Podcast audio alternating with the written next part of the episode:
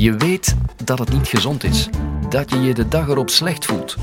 En toch, toch lijken heel wat mensen die onweerstaanbare drang te voelen om eens goed door te drinken. Maar waarom? Waarom willen we dronken worden? Cultuurhistoricus Jeroen de Ploage weet alvast dat het van alle tijden is.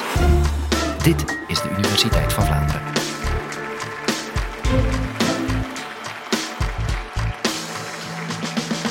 Om de haverklap lezen we in onze kranten wetenschappelijke nieuwtjes over de effecten van alcohol. En heel vaak spreken die elkaar tegen. Ik neem er een aantal recente krantenkoppen bij. Het nieuwsblad titelt Wie nooit alcohol drinkt, loopt een hoger risico op dementie. Maar de morgen die kopt alcohol wereldwijd verantwoordelijk voor één dode op twintig. Ook de sociale effecten van dronkenschap leiden tot heel wat discussie. Zo lezen we in Knak als alcohol vandaag werd uitgevonden, zou het onder de drugswet vallen. Terwijl een aantal weken geleden dan in het laatste nieuws werd gekopt alcohol doet mensen samenkomen en is cruciaal voor voortbestaan mensheid. Wijn en bier is meer plezier. Nu, dat laatste bericht heeft eigenlijk onderzoek opgepikt van een aantal evolutionaire psychologen uit Oxford. Die stellen dat zo'n 10.000 jaar geleden de mens begonnen is met alcohol te drinken, omdat alcohol inwerkt op het brein en de mens vlotter contacten doet leggen. En aangezien de mens een sociaal dier is, heeft hij die contacten en die vriendschappen nodig om te overleven. Zo eenvoudig is dat. Nu, wat vooral opvalt in al die berichten is natuurlijk die, die ambivalentie ervan. En eigenlijk komt die ambivalentie ons ook wel heel erg goed uit, want wij weten wel dat alcohol niet zo goed is, maar tegelijk drinken wij zo graag. Nu, die dubbelzinnigheid die is eigenlijk van alle tijden. Als cultuurhistoricus ben ik zelf heel erg geïnteresseerd in de manier waarop mensen in het verleden omgingen met drinken en met dronkenschap. En ook in de gevolgen zeg maar, van, van die opvattingen uit het verleden voor onze attitudes vandaag de dag. Jullie weten allemaal dat men in de oudheid stevig kon drinken. De Grieken en de Romeinen die waren bekend voor hun, hun banketten. Die hadden zelfs drankgoden, zoals Dionysos en Bacchus. Alhoewel de Romeinen zelf zeiden dat de Germanen nog veel grotere drinkers waren. Dat waren zelfs excessieve drinkers volgens de Romeinen. En we weten ook heel goed dat men in die fameuze Bourgondische tijd, van de hele late middeleeuwen en de vroegmoderne tijd, dat men toen ook heel graag at en dronk. De schilderijen van Breugel en zo, die, die informeren ons daarover. Nu, ik zelf ben eigenlijk vooral geïnteresseerd in de periode daartussenin. De periode van de middeleeuwen en meer bepaald van de volle middeleeuwen. Dat is de periode van de 10e tot de 13e eeuw. Nu, dronk men veel alcohol in die middeleeuwen? Natuurlijk. Water, water was, was meestal heel vervuild en heel ongezond. En dat ging je eigenlijk alleen maar drinken als het echt nodig was. Mensen dronken bier en wijn. Dat was gezond en dat was ook nog eens voedzaam. Ja? Nu, schattingen wijzen erop dat mensen, middeleeuwers, middeleeuwers en zelfs mannen en vrouwen, gemiddeld 1 tot 2 liter per dag dronken. Alcohol, alcoholische dranken, laat het mij zo zeggen. Nu, de, de alcoholpercentages waren wel een stukje lager dan de dag van vandaag, maar toch is dat behoorlijk veel. Dus de vraag is eigenlijk niet of men dronk in de middeleeuwen, maar hoe men dacht over dronkenschap. En die vraag is eigenlijk extra pertinent voor deze periode, omdat sinds de late oudheid en ook in de middeleeuwen zich het christendom in onze cultuur is gaan vestigen. En het christendom heeft steeds een zeer moeilijke verhouding gehad met het menselijk lichaam en de seksualiteit. Het lichaam en de seksualiteit werden in de sfeer van de zonde gecreëerd. Maar natuurlijk, drinken geeft ook enorme fysieke effecten. En vandaar dat we zien dat ook dronkenschap in die sfeer van die zondigheid terechtkomt. En ik zou zelfs verder gaan. Dronkenschap werd zeker in de eerste eeuwen gezien als de eerste zonde die eigenlijk de oorzaak was van alle andere zonden. Want wie, wie buitenissig ging drinken, die begon met mensen uit te schelden, ruzie te maken, te vechten, te, te, te, te moorden, onkuisheid te plegen enzovoort. Dus alcohol lag eigenlijk aan de basis van alle kwaad. En de, de eerste monniken, de vroegste monniken in de late oudheid, die hebben dan wel vruchteloos geprobeerd van geheel onthouders te worden om die reden. Maar eigenlijk heeft de kerk al snel gezien dat dat niet kon. De kerk en ook de kloosterregels hebben toch gekozen voor meer realisme, zou je kunnen zeggen. Realisme dat inhield dat men eigenlijk vooral de misbruiken wou gaan aanpakken. En dus ging men enerzijds ging men enerzijds proberen om die, die heidense drinkpartijen van die Germanen, van die Germaanse volkeren, om die uh, af te schaffen. Ja? En anderzijds zien we dat men niet het drinken op zich in, in vraag ging stellen, maar dat men een soort reglementering voor de dronkenschap ging uitwerken. En dat kunnen we heel mooi afleiden uit vroegmiddeleeuwse lijsten van zonden en van de daarbij horende boeten. In die vroegmiddeleeuwse boeteboeken lees je bijvoorbeeld dat clerici die herhaaldelijk dronken waren, dat je die van hun taak moest ontheffen. Je leest dat priesters en bisschoppen die zoveel dronken dat ze moesten overgeven, dat die 40 dagen boete moesten doen. Voor monniken was dat maar 25 dagen en voor gewone mensen 15 dagen. Maar als je tijdens het kotsen per ongeluk de hostie eruit spuwde, dan moest je 70 dagen boete doen. Ook heel belangrijk in die boeteboeken is de, de intentie waarmee er gedronken werd. Dus als je dronk om dronken te worden, was dat heel slecht. En ook wanneer je andere mensen ging aanzetten tot drinken, dan beschouwde men dat ook als heel slecht. Eigenlijk de nieuwe boodschap, het nieuwe ideaal, was de matiging. Hm? En nu kunnen we ons de vraag stellen in welke mate die matiging in welke mate dat we die dan ook zien optreden tijdens die volle middeleeuwen. En ik zal dat met u even overlopen aan de hand van twee milieus. Eerst kijken we naar het milieu van gewone mensen, van leken zoals we die noemen, en daarna kijken we naar het milieu van de religieuzen. Ja? Ik begin dus met die wereld van die gewone mensen. Eigenlijk weten we daar zeker voor 1200 heel weinig over. En dat komt omdat bijna alle bronnen geschreven werden door clerici die niet geïnteresseerd waren in boeren en in stedelingen.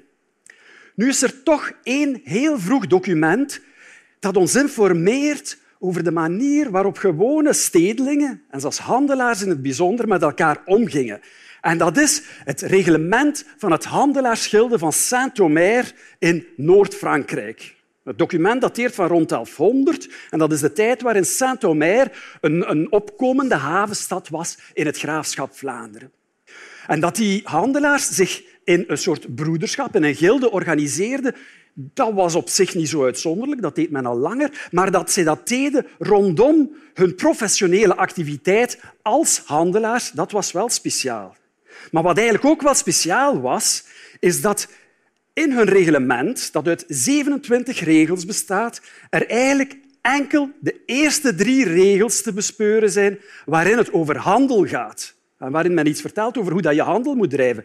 Ongeveer alle andere regels gaan over hoe men, wellicht eenmaal per jaar, een heel groot drinkfestijn moest organiseren. En men gaat heel sterk in detail. Men zegt bijvoorbeeld, ja, je moet zorgen dat je geen ruzie hebt met elkaar voor je begint te drinken, want dat kan slecht aflopen. Dus je moet de conflicten bijleggen.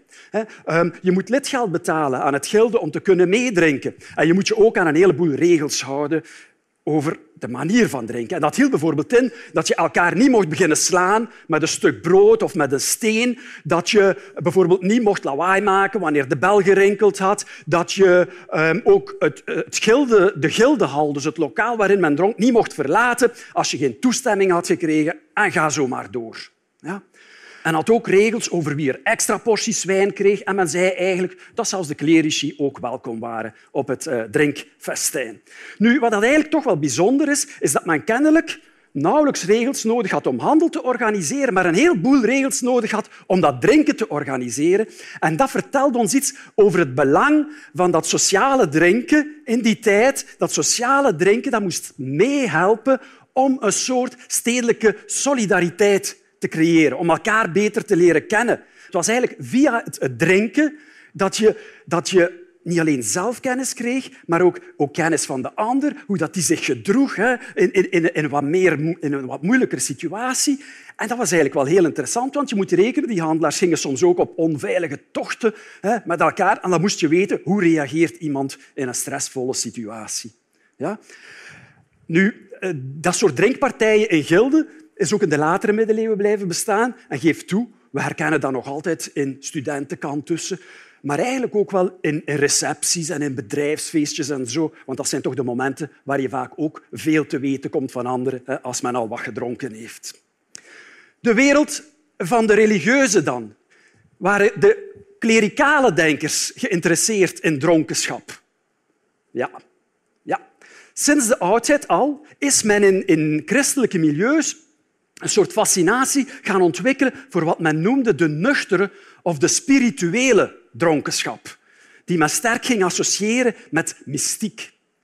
En mystiek dat betekent eigenlijk dat men in een soort van extase ging, eh, en via meditatieoefeningen ging streven naar het ontmoeten van God in een soort groot gevoel van liefde. En dat grote gevoel van liefde voor God, dat probeerde men te vergelijken met het gevoel van volkomen dronkenschap.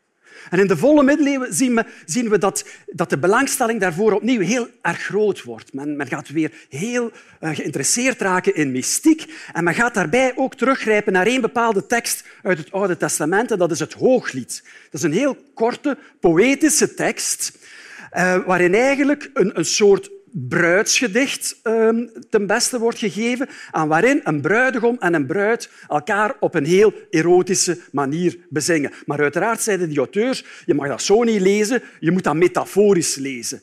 Die, die bruid die stond voor de, voor de ziel en de bruidegom stond voor, de, voor Christus en de ziel moest proberen Christus te gaan ontmoeten. En dan zien we dat, dat veel mystica's en vrouwelijke religieuzen vooral zichzelf zagen als bruiden die Christus moesten gaan ontmoeten en in grote liefde voor Christus moesten gaan um, ontbranden.